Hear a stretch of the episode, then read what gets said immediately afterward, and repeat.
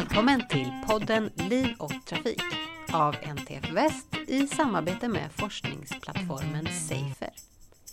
Jag heter Emelie Hedberg och i dagens avsnitt ska vi prata om trafikantbeteende.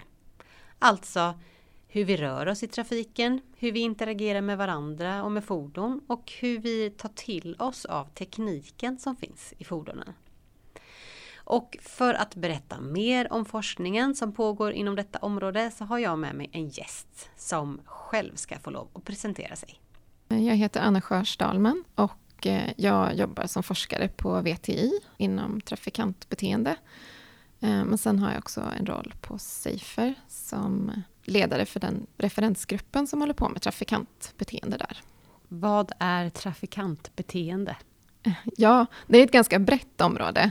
Eh, det handlar ju egentligen om allt som vi gör när vi rör oss ute i trafiken och hur vi interagerar med varandra och med fordon. Eh, så att det täcker in ett ganska brett område. Det kan ju handla om allt ifrån hur vi, eh, hur vi går ut i trafiken till hur vi hanterar olika typer av teknik som finns i ett fordon. Så att det innefattar ganska mycket olika typer av forskning. Kan du berätta lite mer om den här referensgruppen? Vad är din, din roll där? Mm. Min roll som, som ledare för referensgruppen det innebär att jag leder ett nätverk av forskare som håller på med forskning inom uh, olika delar av trafikantbeteende. Och vi möts regelbundet för att utbyta erfarenheter. Och min roll är också att hålla koll på forskningsområdet i allmänhet och se vad som pågår, försöka fånga in projekt som pågår ute hos uh, olika projektpartners och se till så att vi delar med oss av resultat och kan dra nytta av forskningsresultat från andra i gruppen. Kan du säga något om eh, vad som är aktuellt inom området nu, inom forskningen, lite allmänt sådär? Ja, det pågår ju ganska mycket olika typer av forskning inom området. Den senaste tiden har vi haft ganska mycket projekt kring hur man förstår och hanterar ny typ av teknologi. Och då kan det vara både nya typer av fordon, som till exempel har vi sett eh, elsparkcyklar komma eh, mm. de senare åren. Det är ju ett helt, ett helt nytt fordon som inte har funnits innan. Men sen kan det också vara olika typer av teknik som sitter i en bil eller en lastbil. Hur förstår vi och använder den? Och sen kan det också vara projekt som är kanske mer kopplade till beteendevetenskap, alltså mm. hur vilken typ av eh, transportmedel väljer vi och varför? Och hur kan man påverka det? Så det är ett ganska brett spektra mm. Eh, av forskningsprojekt som är på gång. Är det något speciellt utav dem som du, vill, som du kan lyfta och berätta lite mer om? Ja, till exempel förarstödsystem och så som har kommit mycket i nyare bilar. Alla, alla nyare bilar har ju olika typer utav eh, säkerhetssystem som ska hjälpa föraren på olika sätt. Det är det som vi brukar kalla för ADAS-system. Mm. Till exempel så finns det ju filhållningssystem eller döda vinkeln, varningar och så vidare. Och det, de är ju tänkta att öka trafiksäkerheten och minska risken för olyckor. Men man har ju märkt att eh, det är inte alltid som förarna tycker om de här systemen. Eh, utan det är ju viktigt att man ser till att man upplever dem som en hjälp mm. eh, för att man också ska vilja använda dem. För stänger man av systemen så förlorar man ju hela poängen med dem. Så ur ett trafiksäkerhetsperspektiv är det ju viktigt att man tittar på hur an, vad användarna tycker om det här och hur de använder det. Så där finns det flera olika projekt som tittar just nu på hur man kan förbättra den här mm. typen av stödsystem och också förbättra gränssnittet mot användaren så att eh, det blir lätt att använda dem och man förstår vad det är som händer. Så det är ju ett, eh, ett område som vi har olika typer av projekt på gång. Det kan vara både förbättringen utav säkerhetsfunktionen i sig, men som jag nämnde också bara så här, hur ser det ut när man mm. sätter sig i bilen? Kan jag förstå, hur ser alla de här nya displayerna ut som har kommit i nya bilar? Det är inte så mycket knappar längre, utan mm. det är en platta ofta eh, som man ska interagera med. Och det är en ganska stor förändring som har hänt eh, i hur det ser ut i ett modernt fordon. Det kommer ju att krävas eh, en del invänjning för, för oss förare när vi sätter oss och förstår hur vi ska använda våra bilar, mm. men också av forskningen att se till så att vi utformar dem så de är lätta att använda och, så man inte gör fel. Nej. Men är det många som, som stänger av de här systemen som ska hjälpa en? Ja, jag tror att det är ett ganska stort problem. Sen har jag ingen siffra på exakt hur, hur, vanligt det är att man stänger av dem. Men det är ju, vissa av systemen är ju valfria att, att mm. använda och sätta igång. Eh, och där är det ju viktigt att man upplever dem som en hjälp och mm. att man är bekväm med hur, den, eh, hur de fungerar för att man ska sätta igång dem. Mm. Jag tänker särskilt på de här filhållningssystemen kanske. Jag vet inte om du har provat något sånt? Eh, mm. Där, där när ratten styr ja, när ratten själv. styr själv mm. och man ska hålla sig i mitten av körfältet. De är ganska olika mellan olika mm. fordonstillverkare. Och vissa kanske är lite mer burdusa, sliter tillbaks dig mm. i filen om du är på väg ut. Och andra är lite mjukare. Mm. Ibland har de mycket pip och plingljud som man kan tycka är störande. Mm. Och tycker man inte om hur det känns när man åker i bilen så stänger man ju av de här mm. systemen eller väljer att inte använda dem. Men där kommer ju också det här beteendevetenskapliga in, för att vi är ju mm. inte likadana. Det som jag tycker är bra, kanske Precis. inte du tycker om, mm. och vice versa. Mm. Så att eh, en hel del handlar ju också om att eh, man ska kunna anpassa efter användaren. Mm. Se till så att det, ja, man kan få sina personliga preferenser mötta. Mm. mm. Ja, intressant. Men jag vet att du också är, eh, du är med i projekt när ni mäter eh, förarens tillstånd i, i bilen. Vill du berätta lite mer om det? Det är ditt eget eh, forskningsprojekt. Ja, ja. Eh, jag har flera projekt på gång inom det området. Ja, ja. Mm, så det är väl, är väl lite närmare mitt eget mm -hmm. forskningsområde. Eh, jag är absolut inte involverad själv i all forskning som pågår. Jag eh, är ju bara med i en pytteliten del av alla projekt som, mm. som pågår inom området. Så att, men där jag, är det ju så att i nyare fordon så finns det krav på att det ska finnas vissa sådana här förarmonitoreringssystem. Mm. Till exempel så ska ju nya fordon ha trötthetsvarningssystem. Eh, de ska ha distraktionsvarning. Och sen om, om det är ett fordon som också har någon sån här självkörande funktion typ autopilot, eh, så ska man också kunna detektera att föraren är redo att ta över när det är dags att lämna över kontrollen från fordonet till okay. föraren. Till exempel eh, de här trötthetssystemen har jag tittat en del på och där finns det ju lite olika tekniker för mm. att mäta trötthet på förare.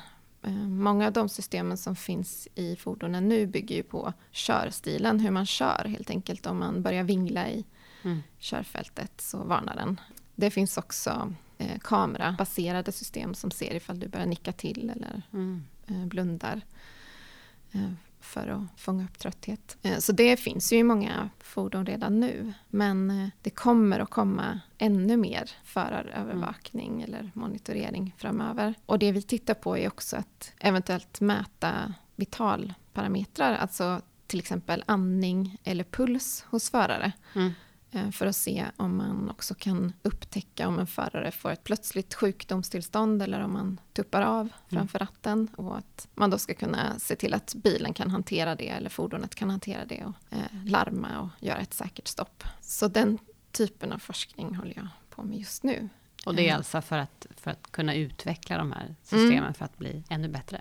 Ja, men precis. Mm. Det är ju svårt mm. att få stabila system när det gäller att mäta på människor. Man kan få ganska bra resultat när man mäter i en väldigt kontrollerad miljö, om man sitter i en simulator till exempel, eller om man gör ett kontrollerat eh, försök ute på verklig väg. Eh, men sen när man ska ha ut de här i i verkliga livet så, så har man ju inte kontroll på vad folk gör. Nej. Och folk gör ju inte som man har tänkt sig att de ska göra. Mm. Eh, man sitter och pratar kanske med någon medpassagerare eller man eh, har glasögon på sig. Eh, man kanske har råkat slänga en halsduk över någon kamerasensor. Yes. Ja, du vet, det är en helt annan situation mm. när man släpper ut sådana här system ute i verkligheten. Och där tror jag att det är, ja, det är en stor utmaning att få stabila system när mm. det gäller förarmonitorering. Mm. Och forskning om självkörande fordon Ja, det pågår ganska många projekt kring det. För några år sedan så, så trodde man väl att det skulle finnas en massa självkörande fordon eh, ganska snabbt ute på gatorna. Men det, där har man väl nyktrat till lite på senare tid och insett att det är ganska komplicerat. Och då tänker jag inte bara på det tekniska, att få ett fordon att köra själv, utan eh, det som är intressant inom trafikantbeteende, det är ju hur vi kan interagera med självkörande fordon i framtiden. Bara en sån sak som om du vill gå över gatan, hur, hur kan jag förstå att den här självkörande bilen har tänkt att stanna och släppa över mig när man inte har en förare som man kan få ögonkontakt med? Så där pågår det ju forskning kring hur ska man kommunicera utåt då? Behöver vi ha några speciella signaler, ljus eller ljud för att tala om att nu stannar jag, nu kan du gå över. Men det finns ju också andra områden som är intressanta när det kommer till självkörande fordon. Jag tänker till exempel på när man ska styra ett fordon som man inte själv sitter i, alltså sån här remote operation. Det finns ju redan nu till exempel gruvor och så, eh, fordon som kör omkring på egen hand. Men där tror jag att det kommer mer i framtiden också, att du kanske kör en fordons flotta av något slag på håll. Du kanske inte ens ser fordonen. Och det ställer ju andra krav på dig som förare eller operatör eller vad vi ska kalla det. Mm. När man inte sitter i fordonet själv längre utan har det någon annanstans. Mm. Vad behöver du för information för att kunna styra, för att kunna göra det på ett säkert sätt? Kan man styra över flera fordon samtidigt eller ja, blir det för komplicerat för oss att hålla reda på? Så där är också ett forskningsområde som jag ser kommer mm. Eh, framöver. Men det här med att eh, hålla hastighet och så, eh, man pratar om beteende, för, mm. förarbeteende och så. Det är ju lite så socialt accepterat att köra för fort. Är det någonting där som ni kan säga, vad är det som ska till för att, för att det ska bli inte socialt accepterat så att säga? Ja, Ja, det är en väldigt intressant fråga tycker jag. Ja. Eh, och det är ju som du säger ganska accepterat att köra för fort. Men det finns väl ingen som skulle sätta sig på fikarasten på jobbet och säga åh, i helgen så körde jag rattfull och så mm. otur så stod polisen där. Och så blev jag av med körkortet. Det är ju verkligen inte socialt accepterat. Ja. Men att säga att ja, igår fick jag en fortkörningsbot. Mm. Det är inte alls lika som förnedrande Nej. eller eh, skämmigt. Och det, det finns ju ganska stora skillnader mellan länder här också, så det är ju lite grann kulturellt betingat. Mm. Men det är svårt att, att, veta hur man ska förändra sådana här sociala normer. Mm. Man har ju lite olika verktyg att jobba med, som lagar och regler mm. såklart. Eh, och de har ju effekt. Eh, men just när det gäller att påverka sociala normer så är det ju svårare. Att bara få någon att köra långsammare kan man ju också göra genom att ändra trafikmiljön så att det är fartgupp eller vad mm. det nu kan tänkas vara så att mm. det, man känner att man måste sakta ner just för att eh, miljön ser ut som den gör. Men att få någon att känna att det inte är socialt accepterat att köra för fort är en helt annan sak. Mm. Det tar ju ofta ganska lång tid att förändra den här typen av attityder. Men samtidigt så tänker jag man kan dra lite paralleller till vad som hände under coronapandemin. För att om man innan kunde gå till jobbet med lite snuva och hosta, det. och det, det var helt okej. Okay. Mm. Men sen under pandemin så gick det ju ganska snabbt till att man tyckte att så fort någon hostade till lite så, så tittade alla snett och, och undrade. Och där är det väl klart att regler och restriktioner påverkade ju dem. Mm sociala normerna, men också den här upplevda risken skulle jag säga. Mm. För att även om man själv kanske hade lindriga symptom så visste man ju om att det fanns en risk för att Eh, min kollega kanske blir allvarligt sjuk om jag råkar smitta den. Och jag vet inte om det är så att man kanske inte riktigt har den känslan i trafiken. Jag tycker att jag är en bra bilförare, jag mm. kan köra i 140 på motorvägen. Man kanske inte riktigt tänker att ja, men jag kan skada någon annan eh, på samma sätt som att någon annan kan råka illa ut om jag smittar dem. Men det är lite gissningar ja. på min sida. Ja, jag har inte sett någon forskning på det, men, men jag tänker att det kanske har med upplevd eh, upplevd risk att göra. Ja. Eh, och att man känner sig säker på att jag kan hantera mm. en högre hastighet mm. än vad man kan. Ja, jag tänkte på det också med, eh, med just så här hållbara förändringar, hur man får till det. När det kommer till hjälm till exempel. Mm. På, eh, ja, kan det vara 90-talet så var det ju så här, då såg man ju väldigt få som hade hjälm i skidbacken till exempel, mm. av vuxna mm. då. Eh, men nu när man kommer till skidbacke så är det ju nästan konstigt att inte ha hjälm. Men det är inte riktigt samma med cykel till exempel. Eh, det är väl fler som kanske har hjälm, man ser fler som har hjälm nu än på 90-talet. Men mm. det är ändå liksom, det är lite ja, spännande där vad det är som gör att en sån förändring ändå sker så stort. Ja, men, och det där har väl att göra med att vi är lite lata eh, som människor. Man vill ju göra saker som är enkla och som kanske innebär en fördel för en. Eh, så i skidbacken så är det ju där för att åka skidor. Mm. Eh, och att ha hjälm på sig då, det, det, blir inte besvärligt och jobbigt på något sätt, utan det är ganska skönt kanske att ha en hjälm. Det blir varmt och gott och det skyddar mot snö och vind. Och det gör inget om jag förstör frisyren, för jag ska inte någonstans efteråt, jag ska bara hem. Mm. Eller, eller också ska jag på afterskin och där ser alla likadana ut. Men det är ju helt annat om man ska cykla ner på stan eller till jobbet eller skolan, för då behöver man ju släppa runt på sin cykelhjälm sen också. Mm det blir bökigt, tycker man. Mm. Man kanske också hade fixat till håret och så blev det tillplattat. Så att såna här ganska banala saker mm. har ju ganska stor inverkan på ifall man vill använda den här hjälmen mm. eller inte. Uh, för man ser väl att de som cyklar för, för att träna, de har ju i större utsträckning hjälm på mm. sig. Uh, och där är det ju mer likt uh, skidbacken. Sen kan jag väl också tänka mig att man kanske inte har en förväntan om att man ska krascha på cykeln. Jämfört med i skidbacken så finns det väl ändå, man har med sig att det, ja, jag kanske ramlar idag. Det är nog en större sannolikhet att man tycker man själv att man ramlar i skidbacken än när man ska cykla till jobbet. Men eh, om vi återgår lite till, eh, till forskningen då, och till din forskning. Ja. Du, eh, ni kollar på någonting med yrkesförare också? Mm. Ja, det är kopplat till det här som vi pratade om eh, med förarmonitorering mm. eh, också. Vi har ett, ett, par projekt på gång där vi tittar lite bredare på hur man kan säkerställa att eh, framförallt yrkesförare då är väl förberedda och kör säkert. Och då handlar det inte bara om, som vi nämnde förut, trötthet till exempel. Mm. Utan det är ju också att man inte är alkoholpåverkad när man kommer till jobbet, att man inte är drogpåverkad. Stress är en annan eh, komponent som vi också har med. Så där håller vi på att utveckla ett system som både då kan mäta om man är trött, stressad, har druckit alkohol mm. eh, och så vidare som ett eh, test när man kommer och ska köra. Så mm. att mhm. man i stunden är redo mm. att eh, sätta sig i fordonet och köra iväg. Men eh, sen att vi också har med komponenter för att stötta i ett längre perspektiv. Så att man har man då upptäckt att föraren blev trött eh, under arbetsdagen till exempel så kan man få råd om hur jag ska förbereda mig bättre inför nästa arbetspass. Mm. Så det ingår också eh, den typen av motåtgärder. Så, så det finns motåtgärder på olika nivåer. Dels under körning, om man detekterar att någon blir trött så får mm. man en trötthetsvarning då.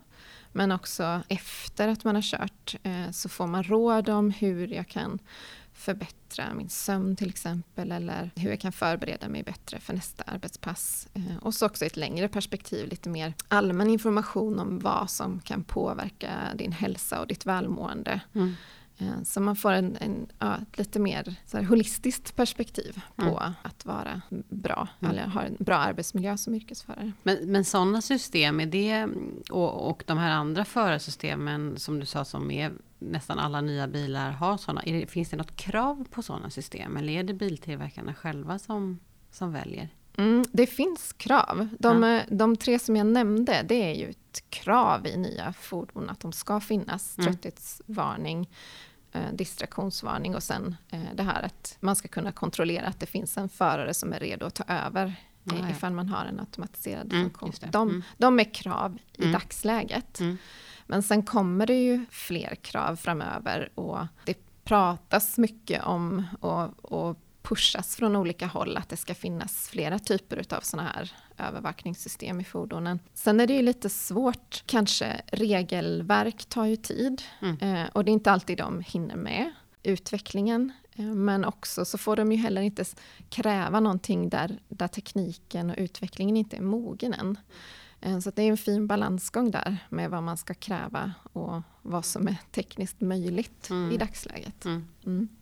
Men är det någon skillnad på yrkesbilar eh, så att säga, eller är det eller personbilar, eller är det samma, det är samma eh, krav? Nej, det är lite olika krav eh, beroende på vilken fordonstyp ja. det är. Så om det är en personbil eller en lastbil eller en buss. Mm. Eh, sen är jag inte insett i exakt nej, nej. detaljerna eh, kring vad som ska vara i vilket fordon.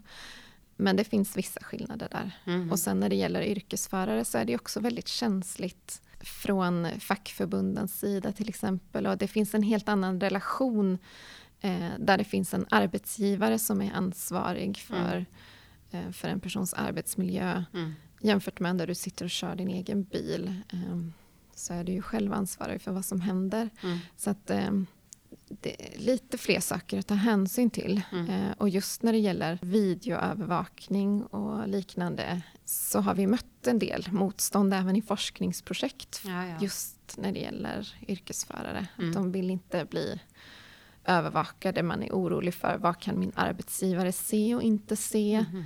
Kan jag riskera att bli av med jobbet? Och så vidare. Mm. Så det, det, är en helt annan dimension eh, som ja. man behöver ta hänsyn till där också. Mm. När ni tittar på de här säkerhetssystemen eh, som du nämnde tidigare att är, man, man kan slå av dem om man tycker de är störande. Har du någon idé på vad är det man behöver göra för att ingen ska slå av dem så att säga? Är det att man inte förstår riktigt att de faktiskt är till för att, för att hjälpa dig? Eller? Ja, det är nog en kombination. Mm. Jag vet i något försök som vi gjorde med just bussförare och sådana här trötthetsvarningssystem så, mm. så var det ju mer regel än undantag att eh, man hade satt en post-it-lapp för den kameran som då, det var ett kamerabaserat system. Okay. Eh, så att man, vill man inte bli övervakad så hittar man sätt ja. att undvika det. Så jag tror att det, det handlar mycket om eh, det här som vi pratade lite om tidigare med upplevd risk. Om man, mm. om man upplever att eh, det här är något som hjälper mig. Mm. Jag har en fördel av det och det, eh, det kan minska risken för att jag är involverad i en olycka. Så, mm. så tror jag man är villig att använda det också. Men, men då får man också väga in den här risken som att någon ska ta del av mina uppgifter känslan av att vara övervakad mm. och man inte riktigt vet vem som som har tillgång som till, ens, till ens personliga uppgifter. Mm. Um, och det är ju ett generellt problem i mm. samhället att vi, man inte riktigt vet vad man delar med sig av. Uh, så jag tror att det, man får nog jobba väldigt mycket med att, att man som användare ska se fördelarna med tekniken. Ja, och, och, och det gäller väl alltså, även med till exempel det här med att så här, hur får man fler att cykla? Eh, när det kommer till liksom, beteendeförändringen. Alltså, hur ska man få fler att, eh, att välja cykeln istället för bilen? Eh. Ja, det är ju lite samma sak mm. det här med att vi, eh, vi är ju lite lata mm. av naturen. Mm. Eh, så finns det bra cykelbanor goda möjligheter att parkera sin cykel. Mm. Det är ju ett stort problem om man, om man nu vill. Ja, tanken är väl att vi vill att man ska använda mer aktiva sätt att resa på, mm. mer cykling för framförallt för hållbarhet och klimatets skull. Mm. Eh, men också för att det är ju såklart bättre för en själv att, att röra sig aktivt. Men eh, riskerar du att få din cykel stulen eh, så kommer du inte vilja ta den ner på stan. Så att eh, sådana där ganska praktiska saker tror jag man kan jobba mycket med. Att det finns eh, någonstans att parkera cykeln säkert. Då kommer jag välja cykeln. Eh, finns det bra cykelbanor så att det går snabbare att ta sig fram med cykel än med bil så väljer jag ju cykeln. Mm. Det, ja, det ska vara lätt att göra mm. rätt. Ja, precis. Man drar ner på parkeringsplatser så det är jättebesvärligt att hitta parkering till sin bil. Mm. Och är det smidigare att ta cykeln som man kan ställa? Ja, ja men alltså är det, är det bökigare att ta bilen än att ta mm. cykeln så väljer du ju cykeln. Mm. Och vice versa. Alltså tror jag också att vi har ju vant oss vid ett um, beteende som är ganska kopplat till bilen. Man uh, reser kors och tvärs, man åker ut utanför stan för att shoppa istället för att gå till den butiken som är närmast. Så det handlar ju om ganska många olika beteenden som man behöver förändra om man ska se några större förändringar i resbeteendet tror jag. Men om vi nu ser på framtiden här, vad är det vi behöver kolla på inom forskningen eh, framöver? Vad önskar du se för typ av forskning inom trafikantbeteende? Vi har ju pratat ganska mycket om olika typer av tekniska lösningar under det här samtalet. Mm. Men om jag själv ska säga vad jag tror är viktigt eh, framöver så är det kanske inte teknikutvecklingen utan ganska mycket det här just trafikantbeteendet. Hur kan vi få folk att inte ta onödiga risker i trafiken? Hur kan vi eh, se till så att vi interagerar med varandra på ett säkert sätt? Det skulle jag vilja se mer forskning kring. Också att det här att alla trafikanter är lika värda i trafiken. Så att eh, oavsett om jag promenerar eller cyklar eller kör någon typ av fordon eh, så ska vi ta lika stor hänsyn till varandra. Och, mm. eh, så att det, man inte blir en extra sårbar i trafiken bara för att man har valt att eh, resa på ett specifikt sätt. Så mer forskning kring, kring det skulle jag vilja se. Stort tack till Anna Sjörs Dalman. Fler avsnitt av podden hittar du på livochtrafikpodden.se eller där poddar finns.